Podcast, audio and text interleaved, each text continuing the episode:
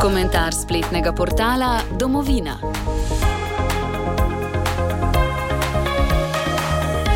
Dr. Andrej Fink je v svojem komentarju z naslovom Bog ponovno v slovenskem hramu demokracije na spletnem portalu domovina.je takole zapisal.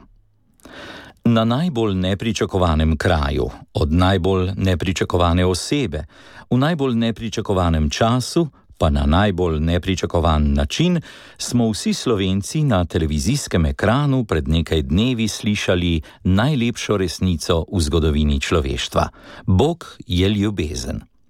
Ker je bilo vse to nepričakovano, je bilo še toliko bolj učinkovito.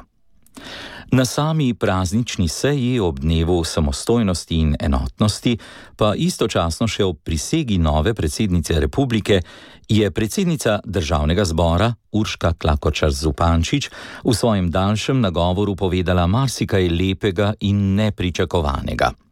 Ves njen prebrani govor je izvenel dokaj konzervativno in narodno budniško.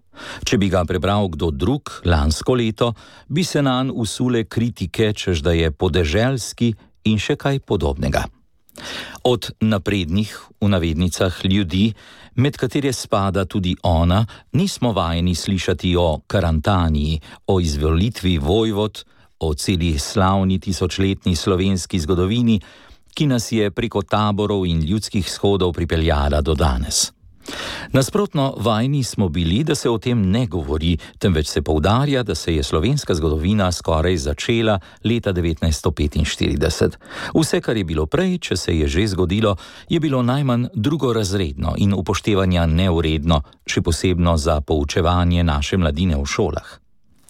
Danes pa, ob praznovanju največjega dneva slovenske zgodovine, ki se je dopolnil pol leta kasneje z deklaracijo slovenske osamosvojitve, slišimo o veličini vsega 1500-letnega slovenskega narodnega življenja in delovanja. Čudovito. Vsemu temu lahko samo pritrdimo in se tega veselimo.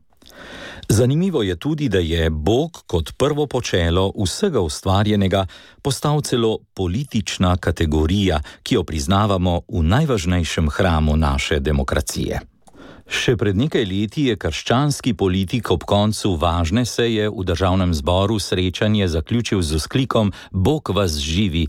Takoj se je iz naprednega sektorja nan usul očitek, da je v Sloveniji crkva ločena od države. Drugi državni politiki se striktno pazijo, da ja ne bi v teh prazničnih dneh izrekli besede Božič. Pod enoumijem je bil prepovedan in ga kratko malo ni bilo. Gospa pa lepo govori o božji ljubezni, ki se je prav za Božič izkazala na poseben način. Kakšne bodo reakcije, bomo videli po praznikih. Za nami je prelomno leto. Za marsikoga se je osamosvojitvena in demokratična misel, ki se je tako močno in odločno jasno izkazala pred tremi desetletji, s kratkimi pozitivnimi meddobji v tem času, danes čudno vsaj upočasnila. Samostojna država smo, kako pa je z našo demokracijo, je utemeljeno vprašanje mnogih. Kot da delo izpred 30 let še ne bi bilo dovršeno. V napetih trenutkih osamosvajanja so bili dvomi veliki in nisi vedel, kaj bo jutri. Upravičeno bi bilo za tisti trenutek vprašanje iz svetega pisma, ki smo ga brali v adventu: ali si ti tisti, ki mora priti, ali naj čakamo drugega.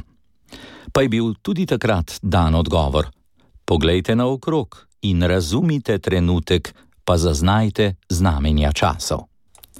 Časi so nam bili prijazni. Nastopil je naš Kairos, starogrški ugodni trenutek, milostni trenutek, nasmeh zgodovine, kot so ga tudi poimenovali. Če tistega trenutka slovenci ne bi razumeli, bi šel mimo nas in dobro vemo, da se v tisočletju ne bi povrnil. A razumeli smo ga in se pri plebiscitu skoraj z 90-odstotno večino izrekli za samostojnost. Tako preprosto, pa tako definitivno kot to. Da je pa milostni trenutek še bolj očiten, ne pozabimo, da se je zgodil prav v božičnih dneh, ko se spominjamo na duhovno izpolnitev časov. Časi so se nam pa izpolnili tudi politično. Sozvočje obojega je nedvomno več kot samo slučaj. Lahko se komu porodi vprašanje, kako je do tokratnega lepega vzklika v samem parlamentu prišlo, oziroma kaj mu je botrovalo. Če je to bilo resnično spoznavanje največje resnice, Boga, ki je ljubezen sama, je to osrečujoče za vse tiste, ki pripadamo monoteističnim religijam, ker je predsednica državnega zbora kot moderna bogomila, ki je črtomira poučevala o veri, tudi sama prišla do zanjo osrečujočega spoznanja, da pravi Bog se kliče Bog ljubezni, da ljubi vse ljudi, svoje otroke. Preširen krst pri Savici.